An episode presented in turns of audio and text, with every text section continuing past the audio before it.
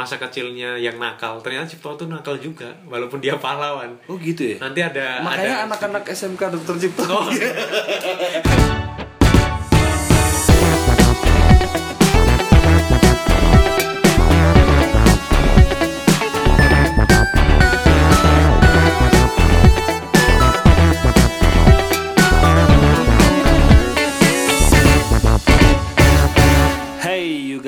listening to podcast Public Speaking masih bersama gue Nicholas Deka. Ya gimana tuh tadi eh, jinglenya asik nggak tuh? Asik ya. Eh, itu tadi dibikinin sama temen gue namanya Adia. Thanks berat buat Adia udah bikinin jingle yang dengan waktu yang sangat cepat banget nih. Thank you banget Adia.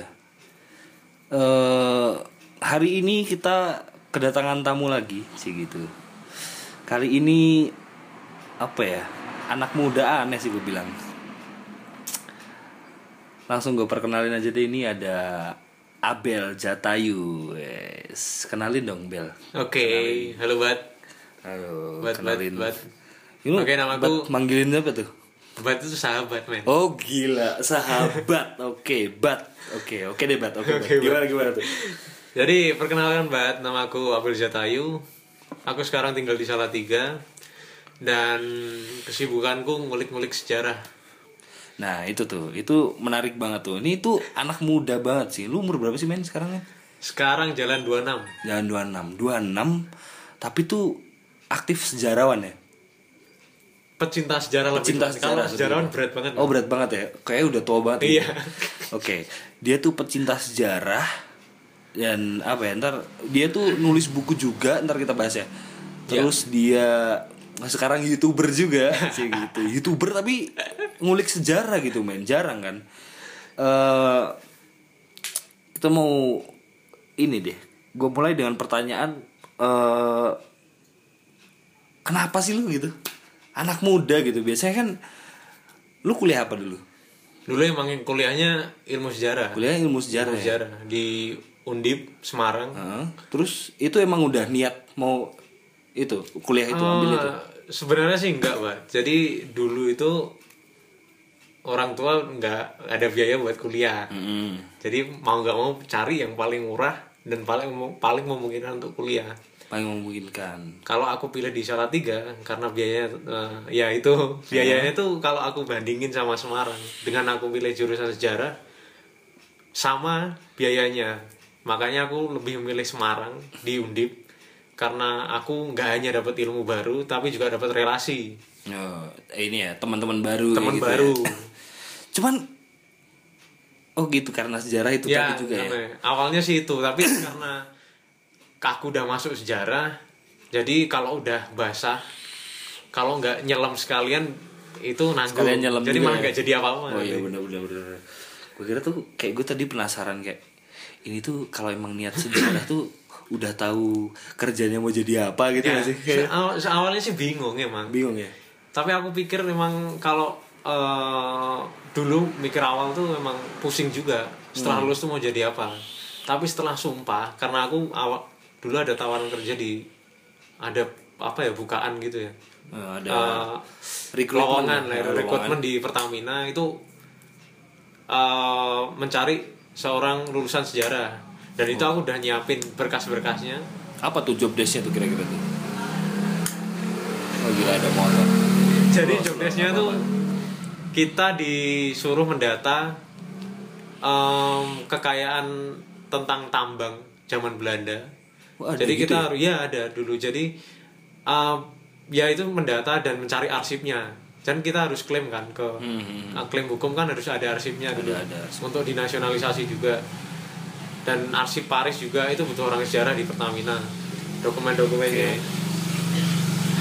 Dokumen-dokumennya Pertamina. Jadi itu sih. Dan pada akhirnya setelah sumpah sarjana itu ada kata-kata pakailah ilmu sebesar dan sebanyak-banyaknya untuk kesejahteraan dan manf- bermanfaat untuk masyarakat. Nah itu aku langsung kayaknya aku nggak ke Pertamina kayaknya nggak ke situ ya. Kayaknya nggak ke Pertamina, situ ya. gila gue pikir ini ngapain gitu. Sebenarnya kan kita udah kenal dari kecil ya Bel? Iya, udah kenal dari kecil. dari kecil. terus kayak karena dia kuliah di luar kota mungkin jarang ketemu juga. Jarang terus tiba-tiba waktu kayak dia lebih banyak di sini tuh anjing nih ngapain gitu kan? Gue gue sampai lihat-lihat vlognya gitu. Lu kayak kemarin ke ke candi ya kayaknya Iya. ada ada apa itu tuh? vlog kedua tuh ke candi jadi ada penemuan candi Penemuan baru candi di yang baru Semarang gitu ya? yang polanya mirip Prambanan di Jogja. Wah gila. Dan itu nggak pakai batu andesit itu pakai batu bata. Tadi zaman dulu tuh udah ada batu batu, bata. bata? Batu bata kayak sekarang? Iya batu bata kayak sana tapi lebih lebar dan lebih tebal. Wah gila. Ayo gue pikir nih ngapain gitu kan biasanya kan vlog kan apa gitu ya kekayaan waduh iya terus apa gitu kan edon edon Nah, itu tempat-tempat fancy gitu kan. Ini kenapa fancy. kebon terus ada nemu candi Iya. gitu loh kan unik banget gitu. Cuman eh apa ya? Lu tuh tipikal pecinta sejarah tadi kan? Iya, pecinta tipikal sejarah. pecinta sejarah yang eh, apa sih kayak gimana sih? Maksudnya apa yang lu concernin gitu tentang sejarah tuh apa Kalau- gitu? kalau di sejarah sih aku karena semester 5 udah penjurusan jadi aku milihnya ke sejarah kolonial kolonial dan Oh, pergerakan ada jurusannya tuh. Apa aja tuh? itu tergantung concern kita sih kalau di Undip tuh lebih ke maritim tapi aku karena aku bukan orang pesisir makanya lebih tertarik ke Karena sejarah kota bukan cucu pelaut. bukan Iya. cucu pelaut Jadi ada maritim terus apa tadi? ada sejarah Kolonial. kota ada itu concern tiap universitas itu beda-beda jadi Oh, kalau gitu. di Airlangga itu ada sejarah kota di Undip sejarah maritim kalau di UGM itu sejarah pedesaan nah tapi kalau di setiap mahasiswa tuh punya concern masing-masing makanya dosennya ada Oh, sendiri-sendiri ada sih yang concern di sendiri-sendiri. bidang Dan lu memilih sejarah kota dan kolonial sejarah kota dan kolonial. Wah gila. Berarti itu tentang ya tentang perkembangan kota eh, masa kolonial dan gimana kondisi sosial masyarakatnya masa kolonial itu gimana jadi itu bahas soal itu. Jadi kalau misalkan pemikiran orang tentang misalkan sejarawan eh, terus ditanya eh, pernah ada pertanyaan yang oh apa misalkan lu kayak kemarin kan gue sempat ini kan interview ada teman si Dana tuh nah. si Dana tuh bilang "Eh, ada beberapa stand up komedian yang nggak mau memperkenalkan bahwa dia stand up komedian karena ketika dia memperkenalkan kayak gitu tuh ntar dia bilang "Eh, wah pasti lucu nih gitu Iya.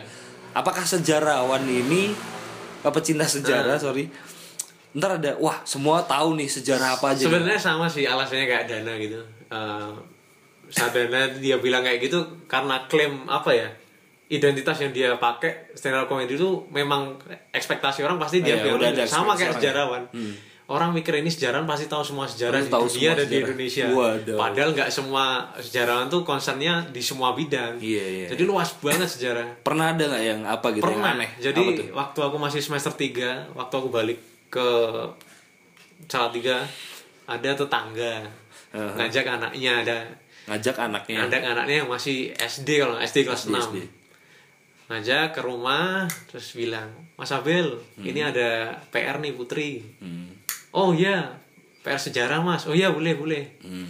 aku pikir kan sejarah biasa ini- kan nasional paling gue bisa dong ya gitu aku ya. bisa kan mah paling eh, itu paling belajar apa sih gitu. Hmm. terus dia datang masuk sambil buka buku paketnya Iya buku paket. ada soal yang dia bilang nggak ada bahasanya di dalam buku paket Nggak ada Oke. bahasanya. iya tapi ada soalnya Oh, nggak ada pembahasan. nggak ada pembahasan itu. Tentang oke. itu tapi ada ada soalnya terus oke apa apa nih bu yang bisa dibantu ini tentang sejarah logam mas buset Iya, oh. sejarah logam Sejarah logam. zaman logam Zaman logam, iya, ya zaman logam ampun. kan pusing Berarti nggak nggak emang nggak ini ya, nggak nggak harus semua tahu ya. Jadi kalau ya sejarah itu porsinya beda-beda. Ada kerajaan, ada di Oh iya, kolonial, masa kolonial, ada maritim, ada uh, kadang juga salah persepsi orang-orang. Kalau Hmm. kita jurusannya mas sejarah ilmu sejarah, oh biasa gali-gali batuan, itu Iya, salah banget. Itu kan arkeolog. ya? Itu kerja arkeolog. Oh, arkeolog ya bukan. Sejarah itu cuma narasinya, jadi Narasinya. narasi cerita tuh yang buat anak-anak sejarah.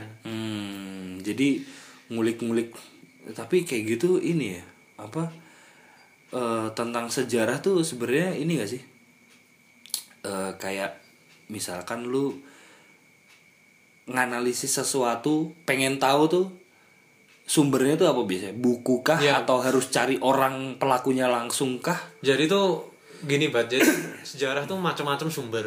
Hmm. Ada sejarah lisan, sejarah lisan tuh kita cari sumber lewat wawancara atau wawancara lewat wawancara biasanya pelaku pelaku sejarahnya atau orang-orang orang terdekatnya gitu. orang-orang terdekat yang dapat cerita tapi kita juga harus selektif karena ada seleksi sumber kan nggak ya nggak nggak semua sumber kita percaya. Iya, kita harus bandingin dengan sumber lain.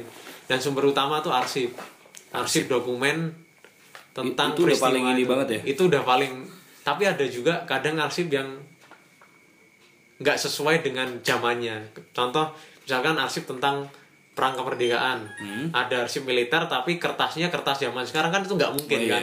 nggak nggak match itu sama berarti, tahunnya. berarti ini dong repro gitu dong? Iya ada repro. Dan Oh, kita harus gitu kita harus selektif sama itu. Kadang ada yang buat cerita narasi beda. itu nanti ini nggak? Ada ada pernah peristiwa yang kayak ya jadi apa sih?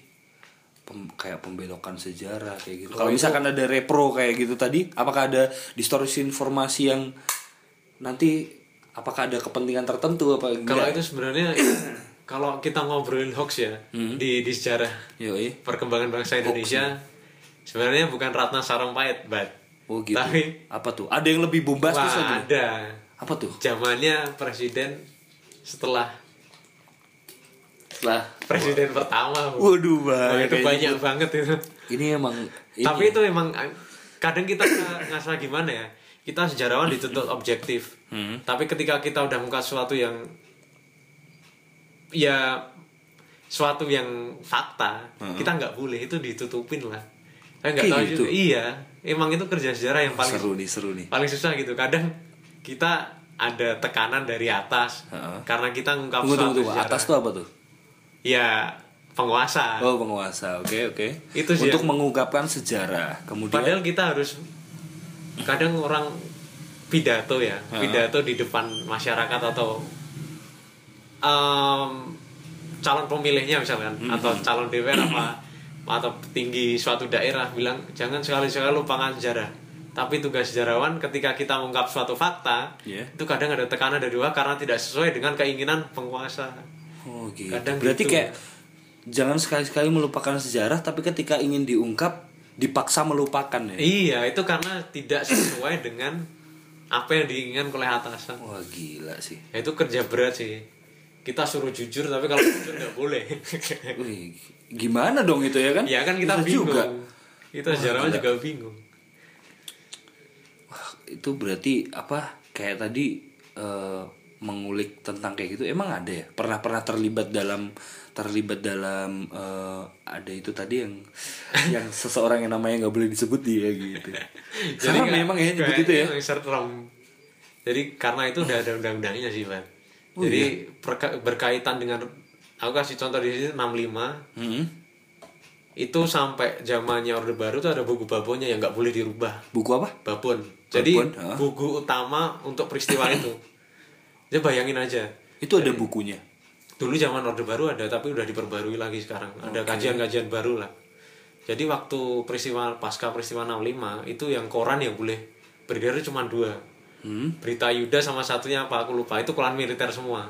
Oh, kan bayangin dulu akses informasi itu masih sangat minim. Biarin, biarin motor masih sangat amat. masih sangat minim. Hmm. dan kita dikasih informasi satu dari dua eh, surat kabar yang sama sumbernya kan pasti kita percaya oh Iya. ternyata kayak gini peristiwanya padahal nggak seutuhnya kayak gitu Kita menganggap oh ini kredibel. nah gitu ya. kredibel dan kekredibilan yang dianggap kredibel itu pada akhirnya kan turun temurun sampai sekarang kan dianggap benar itu peristiwa Iya sih bener ya. karena nggak ada nggak ada informasi lain selain dua koran itu Karena yang lain Ditutup. ditutup, kerannya ya. Gila sih. pasca peristiwa 65 emang gitu Cuman eh, apa peran para sejarawan ini untuk bisa eh into peristiwa yang real gitu membuka membuka yang itu, itu yang ada real? ada apa ada berapa sejarawan dari luar yang coba mengungkap itu dan tahun zamannya Pak SBY itu 2009 itu sempat sampai dicekal sampai dicekal. iya karena karena mengulas soal itu soal peristiwa itu dan nggak tahu kenapa sih Karena justru Judulnya dalil- mencari mereka mencari fa- fakta tentang iya itu tapi fakta dan pelaku tentang tentang peristiwa itu dan Tapi- nggak tapi hanya dari kenapa- dua sumber yang waktu itu beredar ya Heeh. dari berbagai macam sumber Tapi kenapa malah justru dari luar gitu Bel? nah ka- kalau menurutku sih ya Iya. karena sejarawan dalam negeri itu banyak sekali tekanan yang harus mereka hadapi ketika dia mem- bis- mul- eh, membahas peristiwa itu Oh gitu ya. Karena ini ya mungkin ya. Ya takut ya itu kenapa-kenapa ketakutan juga gitu ya. kenapa-napa Gila. makanya aku milih mending aku bahas Eh, terus kemarin tuh kayaknya gue kan eh, waktu ngobrol sama lu ya, hmm. gue tuh ya ada yang menarik nih Hah? tentang apa sih kemarin yang lu bilang sejarah tuh apa nggak Oh, penting tahun jadi- apa apa jadi. gitu. jadi banyak kalian yang pasti bosan kan belajar sejarah Hmm. di SMP, SD, SMA pasti guru kalian cuma di depan. Ayo baca nomor Hmm. halaman sekian. Nah kebetulan Nah, kenapa gue sedikit seneng sama sejarah nih? Hmm. Karena mungkin eh apa ya? Dulu guru gue tuh eh, lumayan bagus storytellingnya. Nah. Karena gue lebih seneng kalau belajar sejarah tuh diceritain. Iya, Kayak lu biasanya gue tanya-tanya sama lu kan. Terus ada teman gue juga yang eh, kuliah di sejarah tuh Hmm. Biasanya eh ceritain tentang ini dong gimana sih? Kan kalian pasti eh, cari Hmm. benernya dong gitu. Terus apa tuh tadi tentang apa tuh? ya benar. Salah Jadi apa tuh? metodenya yang salah sih. Metodenya. Jadi selama ini kita dijejalin sejarah itu mindsetnya tahun peristiwa, ya waktu peristiwa dan tokoh. tahun peristiwa dan dan, tokoh. tokoh. Oke. Dan kita dari SD sampai SMA itu mulu. Tapi nggak pernah diceritain spirit di balik peristiwanya itu apa sebenarnya. Spirit di balik peristiwa itu. ya? Nah, kalau menurutku tahun itu nomor sekian lah. Tapi Oh, spiritnya gitu. yang harus dibahas. Eh, cuman kan dulu tuh eh, soal-soal di ini tuh kan pada tahun Iya berapa kayak benar. gitu-gitu Bel. Itu mungkin lebih krono apa me- menentukan kronologisnya gimana peristiwa itu. Hmm. Tapi kan sejarah kita belajar peristiwa. Iya benar. Peristiwa itu apa? Di balik peristiwa itu apa sih sebenarnya? Harusnya tuh itu Ada- ada spirit apa gitu ya? Spirit apa ini yang terjadi waktu itu? Hmm, Justru dulu kan kita kayak ya gimana ya dulu mungkin nggak asiknya tuh karena karena itu ya karena kita terlalu banyak ngapalin tahun nih terlalu ter, Nah itu terpaku di situ itu tuh, makanya gitu. yang yang kadang ah, teman-teman jadi bosan di situ. Hmm. Dan misalkan gini, eh, peristiwa di Ponorogo. Hmm. Jadi waktu 1830 kan di Ponorogo ditangkap sama setengah tujuh tuh ya ya 18.30 setengah tujuh pasti kayak gitu sih. iya iya pasti kayak gitu itu udah Sampai bosan jelasin. iya jelasin dulu Jadi The Cook jenderal itu Iya. eh, bohongin apa ya kayak nipu di Ponorogo dijebak gitulah di pertemuan. Jadi peristiwa penangkapan di Ponorogo itu dua hari pasca Lebaran. dua Setelah- hari pasca Nah, lebaran plus dua Lebaran itu. Oke. Jadi kalau orang Jawa ngerti lah kalau diajak ketemu kan wah ini paling silaturahim. Ah, ah, ah. Kalau di Monogoro tuh makanya dia nggak bawa pasukan banyak dan dia bawa apa gaman sama senjata di Oh, senjata. pinggangnya. Dia masuk ke rum, eh, gedung residen Magelang. Sekarang gedungnya masih ada. Sekarang buat nikahan itu. Oh ya? Hmm, masih ada. Masih ada utuh Mas- kayak dulu? masih ada masih utuh kayak dulu. Dan kursinya yang dipercaya didudukin di Ponorogo juga masih masih ada. di sana. Kalau kalian mau ke sana bisa masih bisa cuman kayak bisa di ini nggak sih bisa didudukin nggak boleh Enggak, enggak boleh. nggak boleh ya? Karena yang kursi khusus di Wonogoro sekarang udah di kaca. oh udah Di dalam- dikacain dalam oke kaca. oke terus Dan itu eh, kalau kita baca sejarah kan di Ponorogo ditangkap ya ditangkap itu kan kalah, kalah atas Belanda kan. benar benar Tapi sebenarnya itu kemenangan kebudayaan kita jadi eh, kalah secara secara apa, ya? fisik penaklukan fisik ya kita kalah. cuman kita menang secara budaya kita menang secara budaya karena gitu. apa? oh, menarik nih Jadi Cook itu mentalnya ternyata mental penipu. Dia berperang karena udah bingung kan. Eh, Karena perang di nggak Ponorogo itu perang di Ponorogo itu ngabisin sampai ke ekonomi Hindia Belanda waktu itu kolab wow karena perang di Ponorogo. Jadi banyak biaya untuk perang itu mendukung per- perang itu, tapi nggak kalah-kalah di Ponorogonya. Hmm. Dan pada akhirnya dia Cook ini ngambil keputusan nih kayaknya eh, apa ditipu aja. Pakai cara lain gitu ya? Pakai cara lain dengan cara gitu ya? ditipu. Iya. gitu ya jadi Ah, udah membu- udah membudaya juga Iya, ya Pak, ya, dulu ya Jadi dia nggak ajak pertemuan untuk berunding, ternyata waktu dia langsung ditangkap dan secara manusia harusnya seorang di Ponorogo kan cabut senjatanya untuk membunuh dekuk di meja itu waktu dia di- Hmm. ditipu. Tapi ternyata nggak, itu nggak dilakukan oleh di Ponorogo. Karena apa tuh sebenarnya? ya dia bisa menahan emosi dan ya emang Atau atau karena itu, karena euforia setelah lebaran.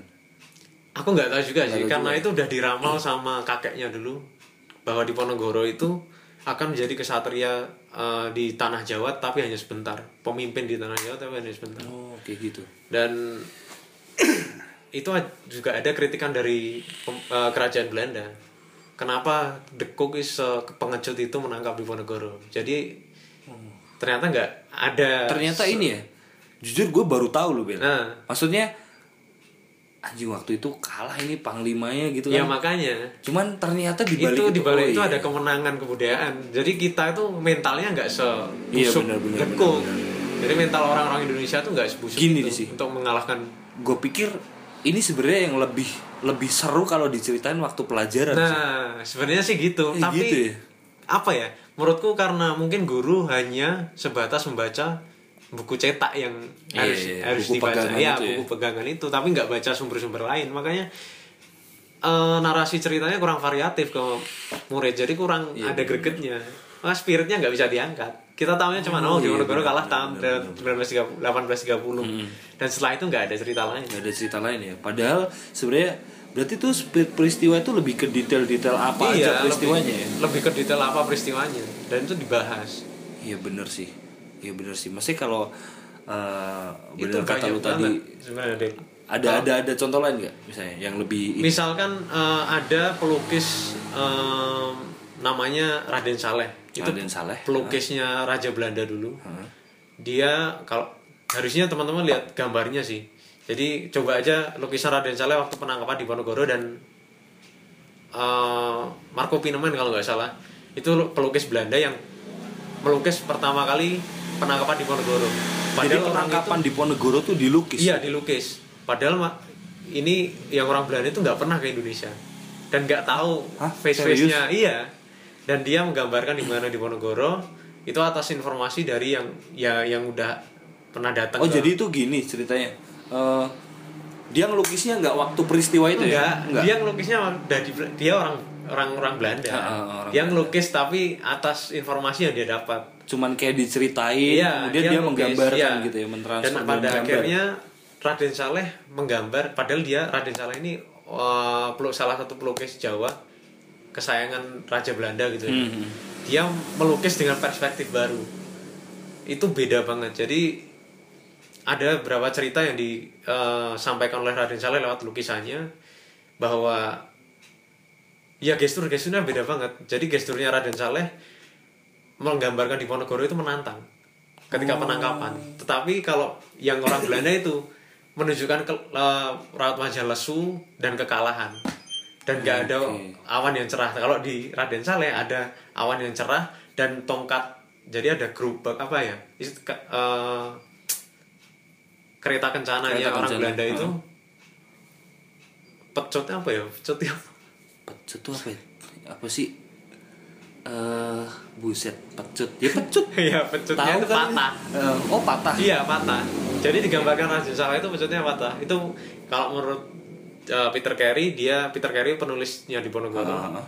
Ya itu menandakan uh, ke, ke- jatuhnya kekuasaan kolonial.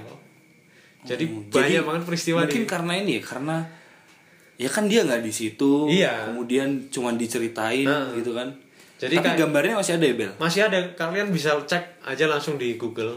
Hmm. Jadi Raden Saleh itu kayak masukin kuda Troya di kerajaan Belanda dari dia. Oh. Dia sebenarnya orang Jawa yang mendukung India Belanda itu ya?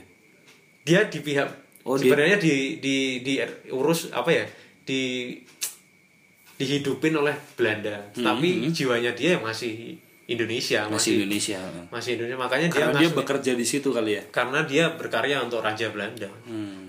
tapi kritiknya dia dia lakukan lewat lukisan. Tapi itu nggak pernah dibahas di pelajaran.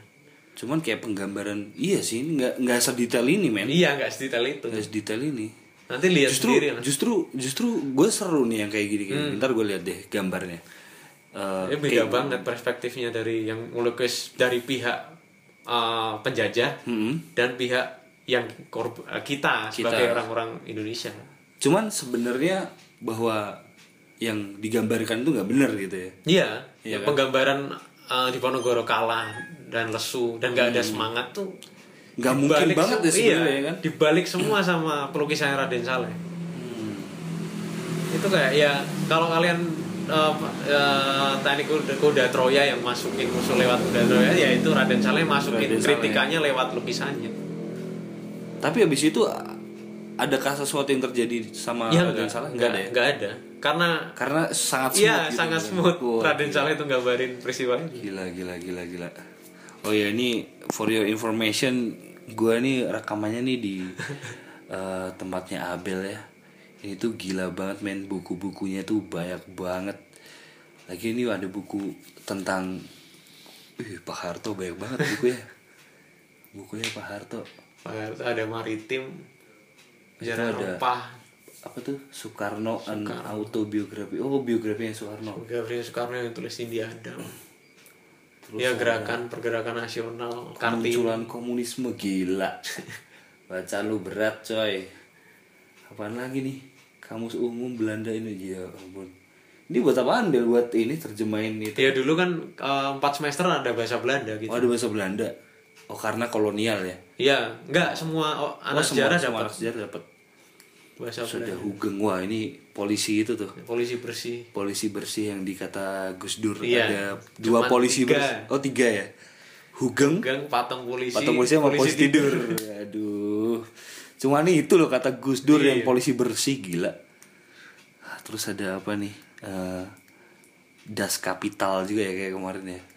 Ya itu punya buku itu nggak terlalu dalam sih aku baca. Oh nggak terlalu dalam. Terus ada kretek. Ya Wih, paling kemarin banyak. Oh iya, ada itu paling sejarah kretek. lu bahas tentang kretek-kretek itu ntar Iya. kita bahas di belakang. Apa lagi nih? Kartini. Ya Kartini itu versi lengkap. Jadi ternyata eh, yang kita tahu habis gelap terbelah terang itu Heeh. diterbitin Abedanon nggak lengkap karena ada kepentingan politik juga di situ. Oh gitu. Dan ini terbitan ulang penelitinya namanya Yoskote pernah ke Salatiga juga. Dia neliti lengkap semua karya Kartini. Jadi yang nemuin Yoskote. Eh, Ini karya ini orang luar juga ya. Iya. Ada sekitar 60-an surat yang nggak masuk di situ. Jadi ini versi lengkapnya Iya versi lengkapnya dalam bahasa Inggris. dalam loh. bahasa Inggris. Gila. Ini ada ini ya, lebih lebih lengkap ke letters tahun berapa Iya gitu. iya. Oh gila. Dan dikirim ke siapa gitu ada. Oh dikirim ke siapa ada? Iya. Oh iya iya iya iya.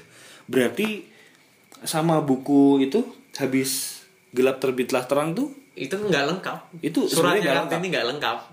itu kan berisi kumpulan surat-surat kumpulan surat-surat. Tapi ternyata nggak lengkap. karena ada Ya ada ada yang nggak harus diungkap untuk kepentingan Belanda waktu itu. oh, wadaw ternyata banyak ini ya mungkin ya mungkin tuh masih banyak banget Wah, nggak masih sih banyak banget. sejarah yang belum terungkap Masih banyak banget. sejarah harusnya- yang secara real gitu Iya, ma- harusnya banyak yang menggali spirit di belakangnya dan bisa di apa ya di jadikan refleksi buat generasi yang selanjutnya. Harusnya itu di di apa ya digali terus karena sejarah itu karena kemarin pun udah sejarah. oh iya juga sih Jadi setiap peristiwa itu pasti berarti ada tuh spiritnya. berarti tuh semua semua sebenarnya tuh esensinya sejarah tuh ngomongin apa sih Kalau aku ya, esensi sejarah tuh ngomongin peristiwa dan termasuk Apa ya? ngomongin manusia gitu gak sih Iya, manusia tuh seperti apa. Jadi setiap zaman tuh pasti punya spirit zamannya masing-masing. Mhm. Dan itu yang harus digali. berarti gini dong berarti setiap manusia tuh semua manusia tuh bisa bikin sejarah ya Ya, gila. Berarti gue juga bisa bisa harusnya bisa. bisa banget bikin sejarah gue Jadi ada ada lagi deh. apa tuh? Jadi ketika kalian baca tulisan-tulisan eh, pahlawan-pahlawan kita zaman pergerakan, itu aku ya misalkan baca tulisannya Tirto Adi Suryo, baca tulisannya Bung Karno waktu zaman-zaman pergerakan, baca tulisannya Marco Karto di Kromo, itu salah tokoh-tokoh pergerakan. oh tokoh-tokoh pergerakan Ya, itu tulisannya masih relevan dibaca sampai sekarang. Dan aku kayak ditampar-tampar gitu. ditampar kenapa tuh Ya karena ini sikapku dan dikritik oleh eh, pahlawan kita yang hidup Oh, berapa gitu ya. berapa puluh tahun yang lalu Maksudnya dan itu masih relevan sampai sekarang Spiritnya mereka kemudian ya tulisannya tuh kayak bisa melampaui zaman gitu loh visioner gitu ya. iya nggak kayak eh, relevan sampai Iya, maksudnya kayak ini sampai kapan iya masih bisa iya gitu ya. itu menandakan eh, itu kayak bisa melampaui zaman gitu Hmm. nah itu tulisannya yang melampaui zaman apa kelakuan manusia kayak aku yang nggak berubah dari zaman kolonial Oh iya juga ya. Oh iya juga ya. Oh, menarik tuh. Eh, Nah, iya juga ya. Ap- apakah mereka pilihannya cuma dua dong? Iya. Either mereka yang eh, sakti nih masih masih bisa membuat tulisan itu relevan sampai sekarang atau, Atau memang kelakuan kelakuan kita, kita aja nih yang nggak emang nggak berubah dari- gitu. dari iya zaman juga kolonial. ya. Bangsat. Jadi kalau Iya, kita iya, ngomongin iya. kolonial, musuh kita tuh Belanda, enggak juga. Cuman, Masih cuman bener banget men kata Bung Karno men. apa? Masih lebih gampang perjuangan Iya. dia waktu itu melawan bangsa lain, tapi lebih susah sekarang Ah. melawan bangsa sendiri kayak melawan di komen Iya. ya ampun orang-orang Komen sekarang di hujat-hujatan. nah sesama ini loh kadang apa gitu aja bisa komen-komen. Dan itu benar kan? Iya, relevan dong iya. sekarang melawan bangsa sendiri which is apa kayak melawan hater sama melawan apa gitu kan? Gila ya. Apa karena emang sakti apa emang? Ya, kalau tahu. kalau itu sakti dong. Iya. Eh, kita bisa akuin itu sangat ini banget Iya. karena sekarang Nah, juga emang benar. zaman dulu jarang sih yang bisa nulis kritik pemerintah kolonial, hanya beberapa orang. dan Waktu zaman itu pergerakan. dan waktu itu mungkin karena taruhannya nyawa ya Iya, kalau dulu Iya kan? penjara sih. Karena semakin dia di penjara, dia semakin apa ya? Bangga karena dia di penjara. Kalau Hah? sekarang kan beda. maksudnya Ya oh kalau ini dia ya ditahan di penjara tuh semakin bangga. Semakin menunjukkan bangga. kalau dia memang benar-benar melawan perintah kolonial. benar-benar memperjuangkan Iya. gitu ya Apa hak rakyat? Iya juga ya gini deh coba gue nanya Eh, lu pernah ini nggak nonton itu nggak film G30 SPKI Hmm, hmm. itu kan versi ini kan versi pemerintah ya kayaknya. Hmm. nah terus kemudian dalam perspektif orang-orang sejarah tuh kayak gimana sih gue jujur nih gue jujur belum pernah nonton secara utuh Hmm.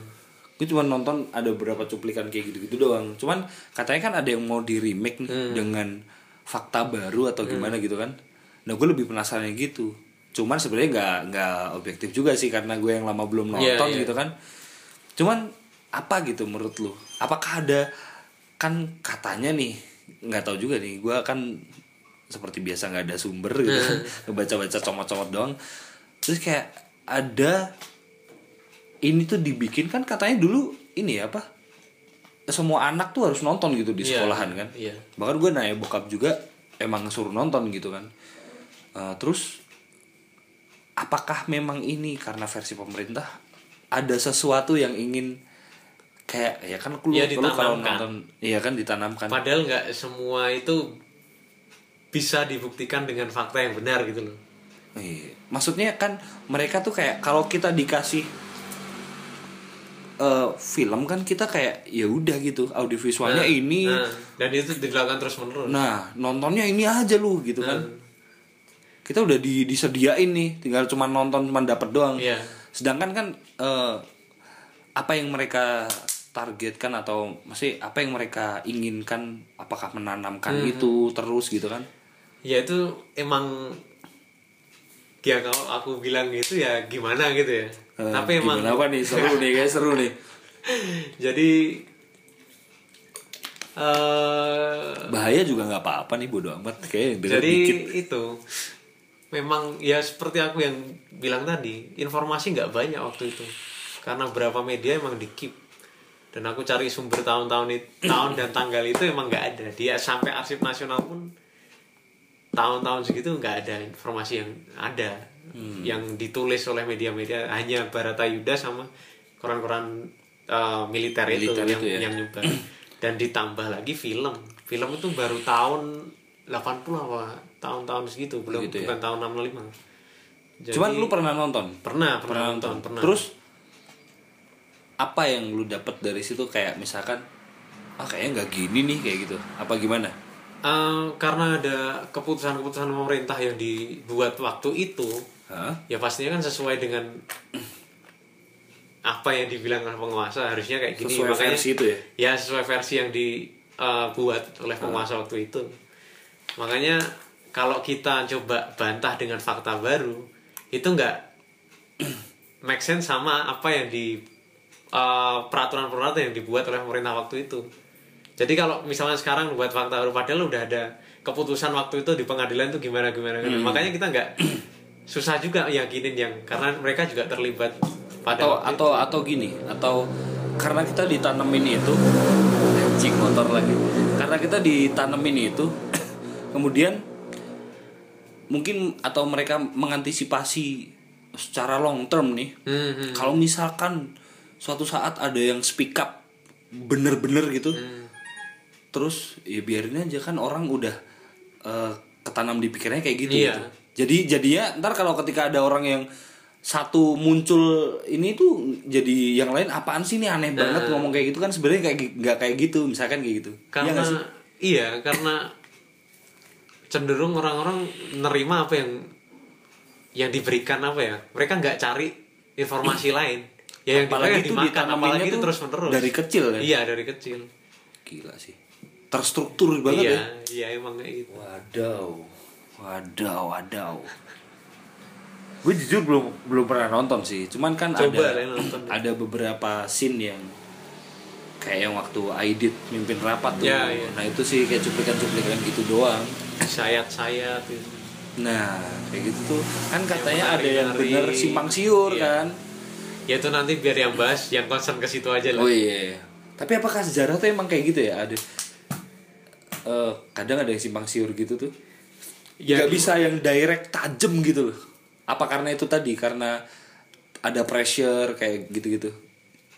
ya kalau sejarah sih karena sejarah tuh perspektifnya banyak banget ya kita dituntut objektif tapi yang kita teliti kan sumber yang kita dapat Hmm. sebenarnya ada misal sumber yang kita dapat nggak nggak selalu sama apa yang dipikirkan orang pelakunya maksudnya Iya iya iya. ya itu kan kita kalau misalkan orangnya udah meninggal kita nggak bisa cross check Nggak bisa. dengan sumber yang udah kita dapat Itu pun ada itu. terlepas belum ada kepentingan tertentu ya. iya apalagi kalau udah ada itu tambah Tambah ini lagi Iya, bias lagi ya. iya.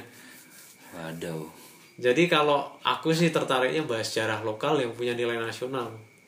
Makanya Oh. eh, anak-anak di sekitar tuh lebih gampang belajar sejarah dari sekitar lingkungan sekitar mereka aja. Karena deket-deket gitu iya, ya. dekat-dekat dia kan lebih lebih gampang lebih tahu tentang daerahnya.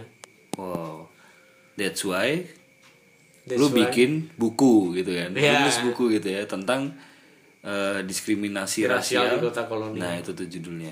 Wah, bridgingnya oke banget nih tadi nih. bridgingnya oke banget. Eh apa sih Bel? Lu ngapain nih nulis buku ini terus isinya apaan gitu? Ceritain. Oke, eh, jadi gini, Pak. Eh, buku ini lahir dari hasil penelitian skripsi. Skripsi lu. Ini skripsiku sebenarnya.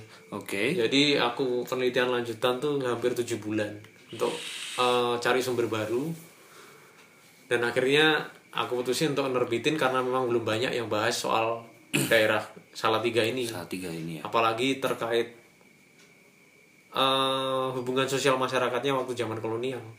Dan kita kan Dan ini lu spesifik di ini ya range waktu Ya, tra- 1917 sampai 42. 1917 sampai 42 Karena ya. 17 tuh pendirian kota Praja Salatiga oleh pemerintah kolonial, 42 tuh masuknya Jepang, tapi kota Praja. kota Praja. Heeh. Jadi berakhir di masuknya Jepang. Jadi waktu zaman kolonial tuh kenapa kita sama orang-orang Tionghoa sampai sekarang tuh punya perspektif yang negatif. Begitupun Masih ada stigma sebaliknya, itu ya? masih ada stigma kayak gitu. Begitupun sebaliknya. Eh, padahal di awal kedatangan bangsa Tionghoa di Batavia waktu itu di Jawa itu hubungannya tuh baik aja kita. Kita sama orang-orang Tionghoa itu. Hubungan dagang awalnya. Ah, tapi setelah VOC masuk dan monopoli perdagangan orang-orang Tionghoa ini yang diambil untuk eh, dalam bidang ekonomi. Karena yang dipercaya pintar dalam Jadi bidang tuh itu jadi tuh udah dari dulu itu ya. Pinter dagang Iya, apa segala iya. macem itu ya. ya emang dari, dari dulu itu. dan, dari dulu ya. dan kita diadu domba waktu VOC masuk itu Dia yang mulai sama Chinese itu. Ah, terus ada geger pecinan. Pemukiman kemudian dipisah. Ada ngapain kok? Kaum pribumi dan pribumi dan Tionghoa itu dipisah. Makanya Tionghoa kan ada di jalan-jalan utama. Oh iya, itu emang di, dipilih Belanda untuk di situ. Oh. emang dipisahkan biar nggak ada kerjasama buat memberontakan ke Belanda.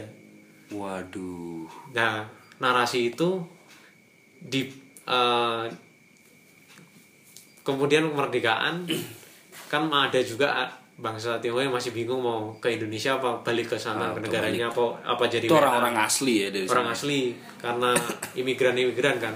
Ada juga yang udah memilih Indonesia dan ketika orde baru ini diasimilasi maksudnya di dipribumikan gitu. Mereka dibalik Mereka nama tuh- gitu ya? ya mereka tuh suruh jadi Indonesia suruh ganti nama biar jadi Indonesia tapi dia masih jadi komoditi politik jadi kayak orang Tionghoa ini jadi kayak pemicu konflik gitu itu dibuat penguasa emang. Jadi biar kita Dimainin nggak gitu ya? iya dimainin. Waduh gila. Jadi itu zaman sekarang- siapa tuh? Ya zaman Orba Pak. tetap balik kayak gitu ya serem juga ya. iya. Waduh. Makanya sampai sekarang persepsi kita sama orang Tionghoa dan mereka diprivatisasi. Kenapa mereka cenderung privat ke budayanya? Karena memang diatur waktu itu. Orang Diatur? orang, iya orang Tionghoa itu nggak boleh buat eh, acara upacara di luar komunitas mereka. Di jalan-jalan nggak boleh harus privat. Makanya kita tahu kan upacara-upacara tapi kalau baru ini udah enggak sih. Ah. Eh, apa kayak apa? Eh, Imlek gitu Oh, kan. iya. perayaannya dulu itu di dalam Enggak- enggak- dalam lingkup enggak mereka. nggak yang perayaan perayaan Ah, iya sih, kayak iya gini sih. dan itu yang membuat mereka jadi eksklusif nggak ini ya nggak nggak membaur gitu kan jarang memakai eh, atribut-atribut Tempat juga. publik ya gitu itu ya, kan nggak boleh dulu emang. Dan dihilangkan semua. Simbol-simbol yang entah uh, berkaitan soal Tiongkok ya dihilangkan. Entah itu di arsitektur apa di kebudayaan. Itu aja sampai ini ya orang-orang yang bernama Cina harus punya Ber- nama Indonesia, iya. Waktu itu emang gitu. Karena itu? Iya, karena itu.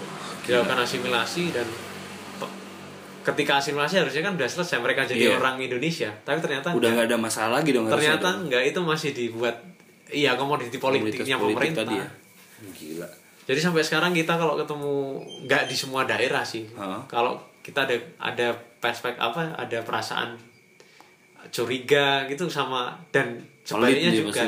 Biasanya kan Orang- stigmanya gitu Iya.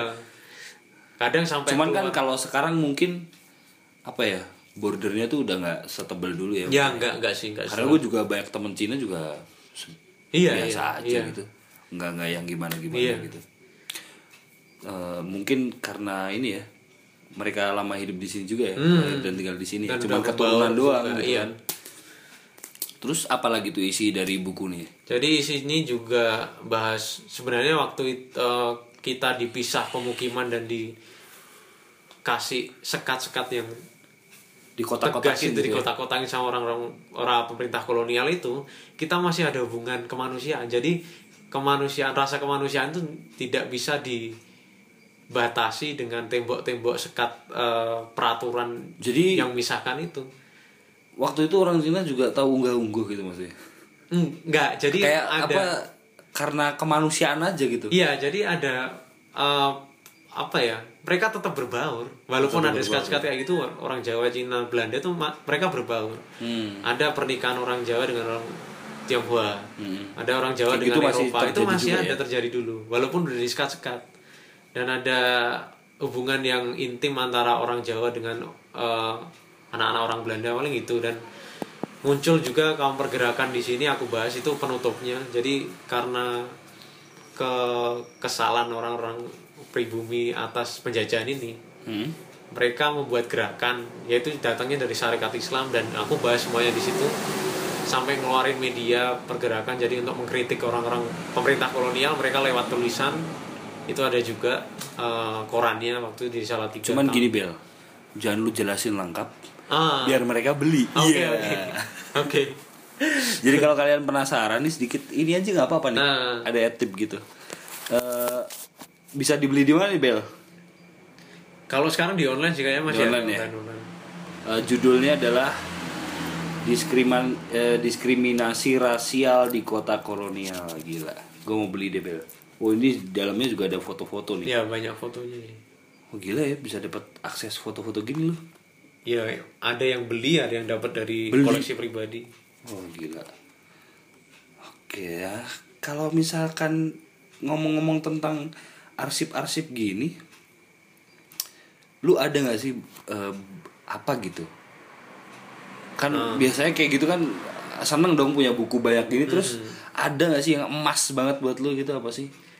Arsip apa atau benda apa gitu yang sejarah banget? ya kalau sekarang sih kemarin jadi ada perusahaan transportasi pertama di Salatiga namanya Esto, singkatan dari Este Salatiga Transport Underneming Oke. itu bahasa Belandanya bahasa Indonesianya. Bener-bener pecinta tuh gitu. Sampai apal lah itu. Itu bener bahasa Belanda ya? bahasa Belanda. Oke Terus? jadi perusahaan tra- transportasi pertama di Salatiga jadi aku nggak tahu ini perusahaan berdiri pertama kali tahun tahun berapa. Hmm. dan aku dapat berapa bulan yang lalu di dari tangan ketiga sih. Dari pabrik apa dari garasinya Garasi. aku dapat dari tangan ketiga dan aku beli. Dan isinya foto-foto dokumen-dokumen tahun-tahun 40 50-an dan aku Itu baru- masih utuh semua? masih utuh semua. Gila.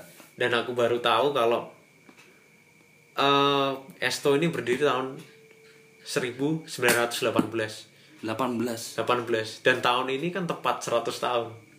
Oh iya iya. Dan itu nggak tahu. Cuman ada ini gak sih? Ada ada lu kayak mencoba bikin movement ini ada transportasi ini di sini kemudian yuk di apa gitu kayak sebenarnya sih kemarin mau gitu sih mau gitu. pameran gitu kan. Tapi nggak cuman tahu. untuk untuk itu kan bis ya gue tuh yang iya itu bis itu bis masih itu ada gak sih bis yang mangkut. yang yang lama dulu ya? Yang dulu udah nggak ada. Udah nggak ada ya? Ya emang udah nggak ada sih Dar- tinggal garasi garasinya Hmm. Bekas- garasi yang bekas- masih asli di situ yang ya? garasi masih asli. Cuman eh, itu yang paling emas banget tuh ya ada. Arsip yang lu punya tuh. Kalau dokumentasi arsip ada. Jadi keluarga kartini dulu ada di Salatiga. Dan sekarang keluarga kartini? Iya, keluarga Era kartini. Hah? era kartini itu adik-adik kandungnya ada di Salatiga. Era Kardina Sumatri dan Kartina. Dia mereka itu tinggal di Salatiga Cing, tahun apal 30 Hah? tahun 30-an dan dokumennya masih ada di Salatiga. Dan beberapa dokumen juga aku aku eh, masih ada di rumah. Itu untuk dokumentasi maksudnya di arsip Paris. Sebenarnya masih ada dokumen apa aja di Salatiga yang berkaitan dengan Kartini. Dan masih banyak banget kayak mebel gitu masih ada. Wow. Gila gila dari zaman zaman Masih zaman dari itu, Kartini. masih Iya, asli masih itu. zaman zaman Kartini. Dan yang paling masih tinggal di sini?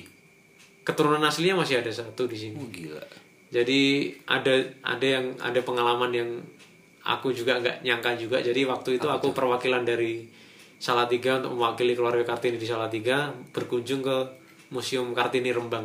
Di Rembang karena Kartini kan meninggalnya di sana di Rembang. Di rumah bupati itu. Waktu di sana penjaganya datang tuh bawa bawa kain. Nggak tahu dalamnya isinya apa pertama.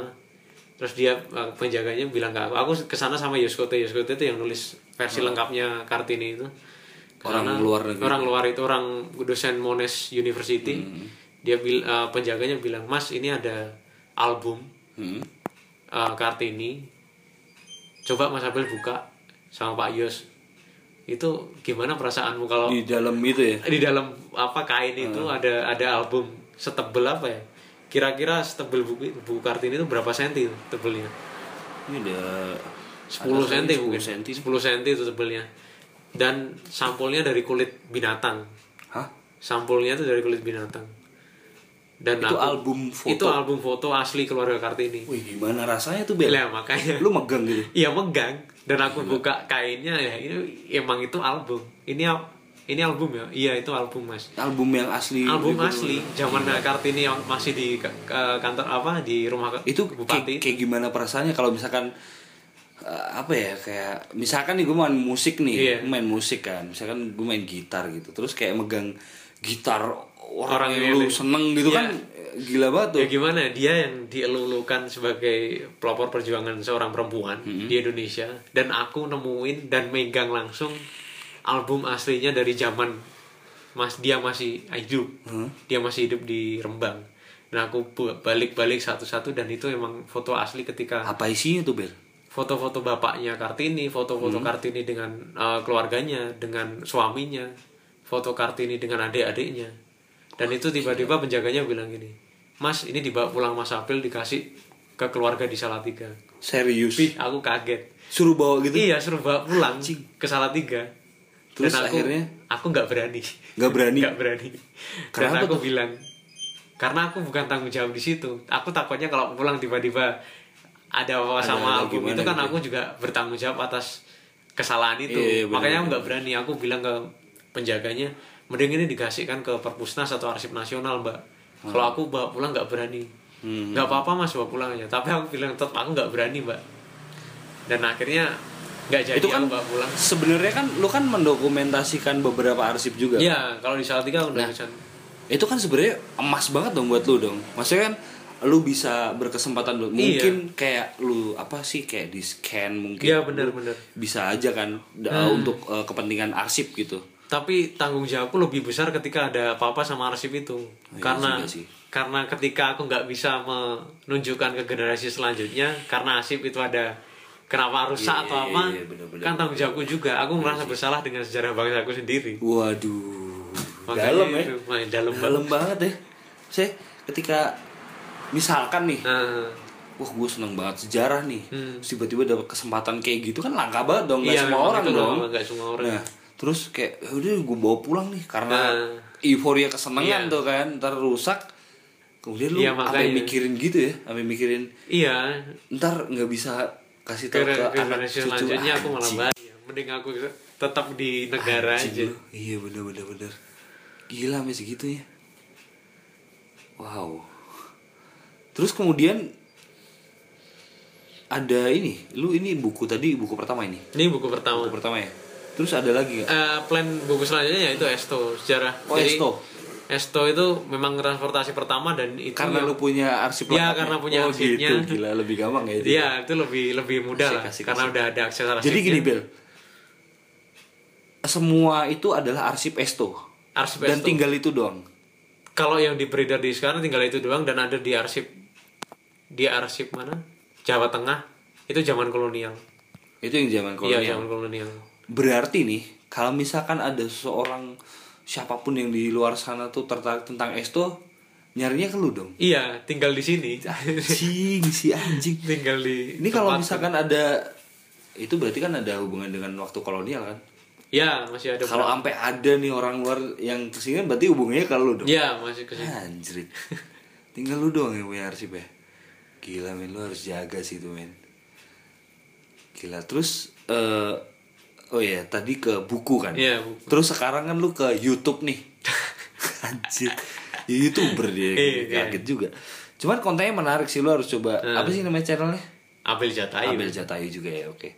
Itu apa aja sih yang udah lu bikin gitu? Eh, aku coba mengungkap, memvisualkan sejarah yang ada di daerah-daerah, kayak makanan Kenapa, kuliner. kenapa YouTube? Jadi gini, eh, aku lihat ke generasi milenial sekarang, Hmm. sepertinya tulisan udah nggak jadi yang utama buat mereka. Ini ya, Dari minat-minat baca membaca, kurang ya? minat baca itu kurang banget. Hmm. Kalau nggak dikasih stimulan da- dari, dari, dari visual, itu susah banget kalau generasi sekarang. karena, Menurut- karena kalau sekarang ini ya apa kayak audiovisual tuh mereka lebih Iya lebih lebih lebih nyaman itu. iya sih benar Dia lebih dengerin, lebih lihat visualnya. Itu lebih menarik buat mereka. itu aja sebenarnya masih ada tantangan loh udah udah udah ngegampangin maksudnya Iya, iya. medianya relate Nah, nih nah. cuman oh, kontennya kok sejarah Iya sih, iya. gitu kan Kadang, itu kadang masih ada- tantangan tuh. ad- masih kayak gitu. Jadi susah juga. Tapi kalau sejarah nggak bertransformasi menjadi eh aku bilang tadi setiap zaman tuh punya jiwa zamannya masing-masing. Hmm. Jadi kalau sejarah nggak mengikuti jiwa zamannya pada zaman sekarang ya susah juga untuk terima generasi zaman sekarang.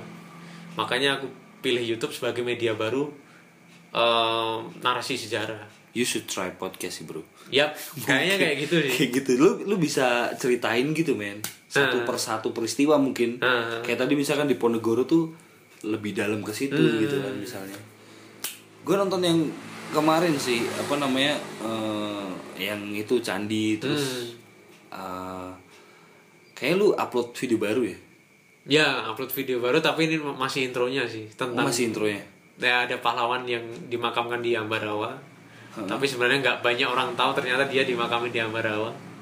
Namanya Dr. Cipta Mangunkusumo dia eh, pendiri di Separti yang ter- Ini ya di tiga serangkai. ya Di Ambarawa di mak. Ambarawa makamnya Wah deket dong. iya deket banget sama Salatiga dan belum banyak orang yang Dan gue mengulas termasuk anak muda yang baru tahu tuh. Iya. Anjing. Aduh. Padahal Ini yang salah siapa ya? Harus disalahin siapa ya? ya siapa Siapa ya harus disalahin nih? Guru? ya nggak ada Bukan ya? informasinya juga sih Iya, bener juga sih. Terus apa tuh yang lu bahas di situ? Jadi- Kenapa lu memilih sosok itu? karena lokasinya paling dekat Oh iya gitu. Iya, lokasi paling dekat dan belum banyak yang ngulas soal itu, memvisualkan uh, kehidupannya Cipto ini di Ambarawa belum banyak informasi Lu soal ke sana, itu. men? Iya, aku ke sana. Apa yang lu dapat? Nah itu gila lagi.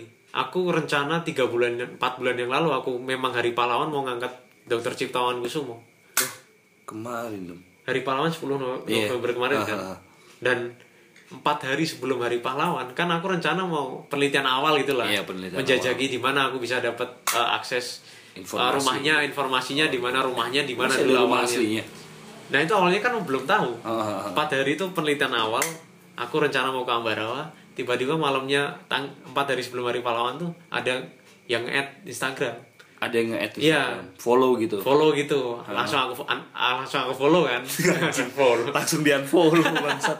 langsung aku follow kan follow balik kan follow back kan Karena Kan- kekunci. apa Enggak juga. enggak juga Oh, emang enggak aku biasaan gitu ada yang follow pasti aku follow Oh balik gitu ya. Oke oke. dan oke. orang itu tiba-tiba ngechat Hah? eh Jadi gini, jadi buat kalian kalau mau follow langsung di langsung di follow. langsung di follow Gitu, ambil terus. jadi tiba-tiba dia ngechat Eh, thanks bro. Salam kenal. Oke mas salam kenal.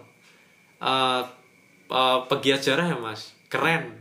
Dia bilang gitu. Tiba-tiba dia bilang aku dari Ambarawa mas. Aku salah satu pe apa?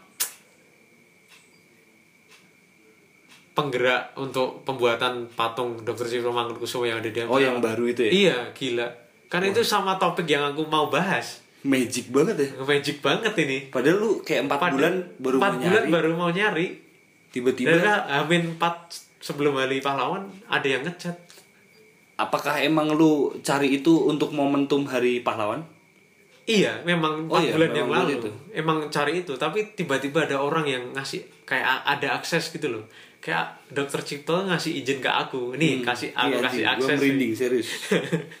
aku kasih akses nih buat kamu karena Hmm. kamu mau bahas aku tentang kehidupanku di Ambarawa dan itu namanya Mas Syarif Mas Syarif hubungin aku dan aku langsung lah tanya Mas aku bisa dapat informasi soal dokter Cipto di mana mau buat bahas hari pahlawan dia kasih info semua Langsung Dan- semuanya iya, semua dan ternyata rumahnya masih ada Rumahnya masih ada. rumahnya masih ada Itu video udah keluar belum? belum Penasaran. itu minggu Aduh. depan kalian pasti harus nonton dah itu. Minggu depan ya? minggu depan Di channelnya si Abel nih Abel Jatayu. Kalau gue sih jujur nonton sih lebih enak ya. Jadi karena menurut gue lebih lebih lebih ini lebih apa? Lebih seru aja kalau Hmm. daripada baca kan ini ya kadang gue dulu bahkan gini men.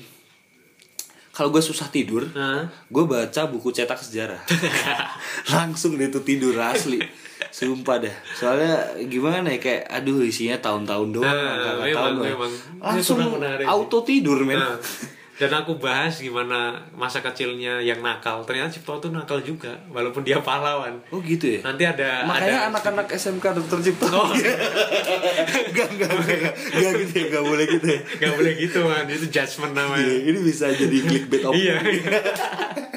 gak gak gak Oke, jadi nakal gitu nakal ada ada nakal nanti aku ceritain juga ya. Oke oke Dan istrinya ini nggak boleh nggak boleh spoiler ya Nggak boleh. Oke, harus Dan harus, harus nonton biar gitu kan? penasaran aja kan. Oh, Oke. oke. Dan ada juga aku cerita makam. Penasaran gak sih lu kayak Gimana- nakalnya tuh Iya, apa gitu kan? Aku nyentil soal politik zaman sekarang juga dari cerita yang ada di kehidupannya Cipto. Ada suatu peristiwa dengan adiknya yang bisa nyentil buat politik zaman sekarang. Nah, itu teman-teman Ada bisa lihat. peristiwa yang dulu juga yang masih relevan. Iya, sekarang. masih relevan sampai sekarang. Nemu-nemu aja lu. Iya, itu dari lim- empat buku aku. Dari empat. Jadi referensinya ada empat buku tentang Cipto Manunggal. Lalu lu baca dulu, Ya baca dulu. kemudian eh, researchnya dari situ Iya, kemudian riset mencari sumber secara langsung. Ya, Anjing repot. jadi di matchkan antara sumber tertulis dengan visual jadi yang masih peninggalannya apa yang masih ada di Ambarawa itu apa aja Gila. dari sumber tertulis itu maksud gue gini lu kayak baca buku kan text time banget dong Ya, nyita waktu banget dong Nah. terus kayak eh, lu eh, harus pergi ke sana untuk mencari kebenarannya terus lu tuangkan Ya. dalam satu cerita video. Ya itu untungnya banget ada komunitas ciptoan atau masyarakat yang ngasih akses ke aku ke sumber-sumber yang ada di Ambarawa. Itu itu Oke. beruntung banget sih. Nah makanya gini gue bilang lu harus baca nih empat buku nih. Ya research dari situ. Ah. kemudian lu harus ke sana mencari dan effort dan lain-lain tuh. Terus lu YouTube nah, dengan maksud lu pengen mengedukasi kan? Iya, iya. Dan orang-orang muda ini tidak menonton. Waduh kebangetan nih orang-orang nih. Tapi yang harus penting, nonton yang sih. penting ada ada ada ada perkembangan kita harus apresiasi loh orang-orang seperti ini mau meluangkan waktunya. Gila banget sih lu Bel. Gua untuk perkembangan sejarah sih. Maksudnya biar sebenarnya banyak banget yang bisa kita pelajari dari masa lalu.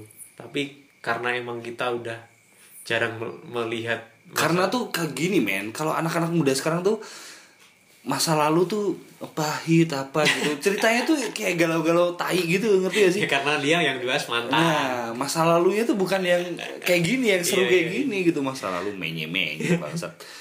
Eh, ih, gila deh. jadi sebenarnya ngapain sih dek kau bawa bawa podcast podcast kayak gini apa tuh tujuannya? Tujuannya ah, gue tuh bikin ini tuh karena apa ya? Ya karena gini aja, kadang tuh seru ngobrol gitu kan. Nah. Tapi kayak diser- direkam lucu juga gitu. Nah. Enggak sih, sebenarnya kayak gue tuh terus ngap jadi apa spirit awalnya tuh apa kok bisa sampai buat buat ya? podcast kayak gini gue tuh pengen jadi penyiar men wasik karena gue tuh suka banget radio nggak tau kenapa ya maksudnya karena pengetahuan musik terus Hmm. ini kenapa jadi gue sih gitu kan ya nggak apa Ya, kan kita ya, sharing nggak apa-apa oke karena gue tuh pengen eh, banyak tahu eh, informasi kayak gitu terus Hmm. zaman dulu tuh lu ngerasain gak sih persona eh, penyiar tuh Iya, gila bener sih. banget gitu Dari- sampai kita titip salam Nah, kan gitu. bangga banget Gua- sampai gua- kita disebutin Gue dulu sampai ini loh, sampai beli ini kayak apa tuh kertas buat request. Eh, nah, ingat dulu. gue sampai gini, Mbak, ntar kalau misalkan eh, pas ngeplayin lagu ini requestnya depannya jangan di ini ya. Depannya jangan dikasih omongan ya. Kenapa tau gak? Kenapa? Karena mau gue tiban. Direkam kan set A set B tuh Oh, iya. anjir. Eh deck A deck B tuh di tape cuman pengen dengerin apa gitu gue dulu apa ya lagu apa ya gue tiban ya gue dulu request kalau nggak salah sih kalau nggak Queen Bohemian Rhapsody kalau Hmm. nggak ini apa namanya eh apa di Purple Hmm, Soldier of Fortune itu men sampai gue tiban di kaset Peter Pan. Inget banget gue. Jadi kadang ada lagunya hatiku bim tiba-tiba Oh, ini oke, lagunya oke. Bohemian Oke. gitu anjing. Kayak gitu men. Karena dulu tuh kan pakai nama sampai pakai nama Hmm, samaran sampai punya banyak fans gitu kan. Kan gila banget kan.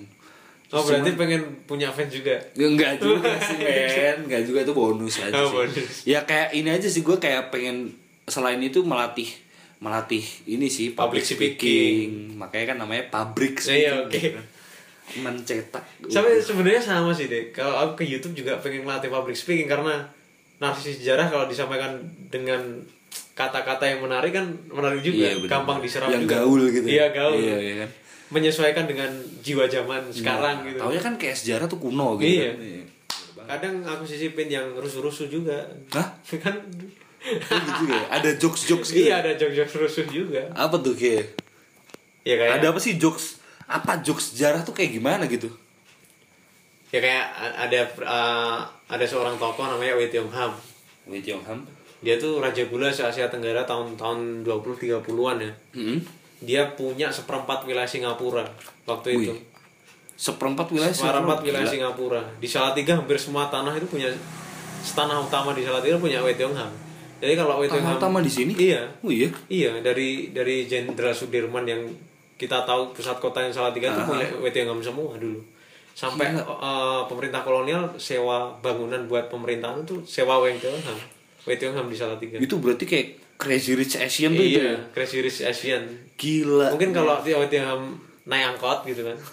Ketemu orang gitu. Heeh. rumahnya mana mas? Ham jawab oh salah tiga saya mas. Hmm. oh salah tiga salah tiganya mana mas weddingnya bisa jawab semua mas Anjing iya. ya itu kayak jokes jokes kayak gitu Iya, lah iya, masukin Rumah lu juga punya gua. iya. Tanah lu juga kalau- punya gua gitu. kalau anda mau kirim barang tulis aja salah tiga mas itu pasti sampai rumah Itu, saya iya. Karena punya dia semua ya. iya Anjing, orang terkaya di Asia Tenggara Di Asia dia raja Tenggara. gula sih terkenal nih itu tahun berapa, Bel? tahun 25-an lah 20-an Gila. papahnya yang beli tanah di depan Sampokong Sampokong Semarang itu ke Semarang. kan dulu kan Sampokong dikuasai sama orang Yahudi kan tanah itu jadi orang-orang Oh, iya. Tionghoa yang mau masuk ke sana harus bayar tiket yang mau beribadah lah Wei Chishan papanya Wei Tiongkam tuh kesel gitu loh Hmm. kita mau beribadah masa suruh bayar aku nggak mau beli tiket lah aku beli tanahnya ya ampun, dibayar sama tanahnya. nah, tanahnya dibayar Greget banget itu. Wah itu kalau masih hidup seberapa greget? Iya. Di- Anjing banget sih itu aku waktu banget. sih. mau ibadah eh, disuruh bayar tiket Terus gua beli, gua- gua beli tiketnya setanahnya aku beli, gitu. tanahnya gue beli Anjing ternyata seru juga ya Iya, gitu ya gitu ya. kayak gitu Anjing gak kerasa ini udah sejam 5 menit men. Gila. Gak kerasa ya? Iya, sejam Gimana? Lu mau YouTube sejam kayak gini ya? kayaknya nggak bisa kayaknya Cuma bisa gini doang gini. ya kan. Aduh, gila deh. Jadi buat ah seru kan dengerin sejarah gitu.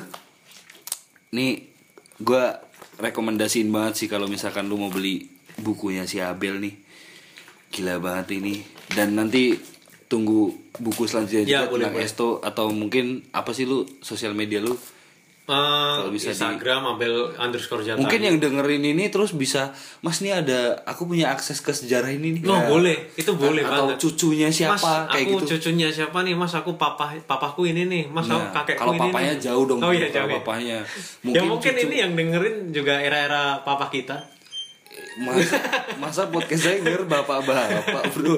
Enggak dong, ya ampun. Aku punya saudara nih, Pak D apa siapa? Nah, mungkin kayak gitu kan. Bisa langsung hubungin. Gue jadi menarik nih. Dulu gini. eh, Mbah Kakung, Hmm. yang Kakung gue tuh eh, DKP apa sih? Dulu sebelum pas, pas pampres apa Hmm. namanya? Apa nih? jadi ini ininya Iya, iya, kayak iya. pas pampresnya Aku- aku. Soekarno Lupa, lupa, lupa. dulu Hmm. cuman habis itu kan jadi karena Chandra Birawa. nah Chandra Birawa bener banget cuman Hmm. gua belum tahu detail banget ini gue malah jadi Oh. jadi pengen ngulik tentang itu bro Unik lah. nah itu dia tuh Karena ada satu buku yang nulis Sandra Birawa apa pasukan pamre, pas pampresnya Soekarno. Ah. Namanya lupa aku. Mungkin dari situ harusnya ada ada pembantunya Soekarno itu deh di di Salatiga yang dia kenal berapa pas pampres waktu zamannya Soekarno. oh ya Sekarang umurnya 93. kayak masih ada Kayak masih ini deh ntar deh gue cari deh Iya iya iya ya, oke coba oke. ya. ntar kalau ini gue ini Oke. dulu deh ya udah deh kayak gitu aja ya Iya oke ini udah, udah terlalu panjang banget nih ntar kalian bosen gitu jadi kalau kalian mau catch up nih sama si Abel nih langsung aja ke sosial medianya siapa tahu kalian bisa Sharing-sharing. membantu apa tuh Ya membantu Sejarah eh, untuk iya. anak cucu gitu. Iya Anjing, anak cucu kita. Dok pendokumentasian sih lebih. Yoi. ya udah oke sekian buat podcast kali ini bye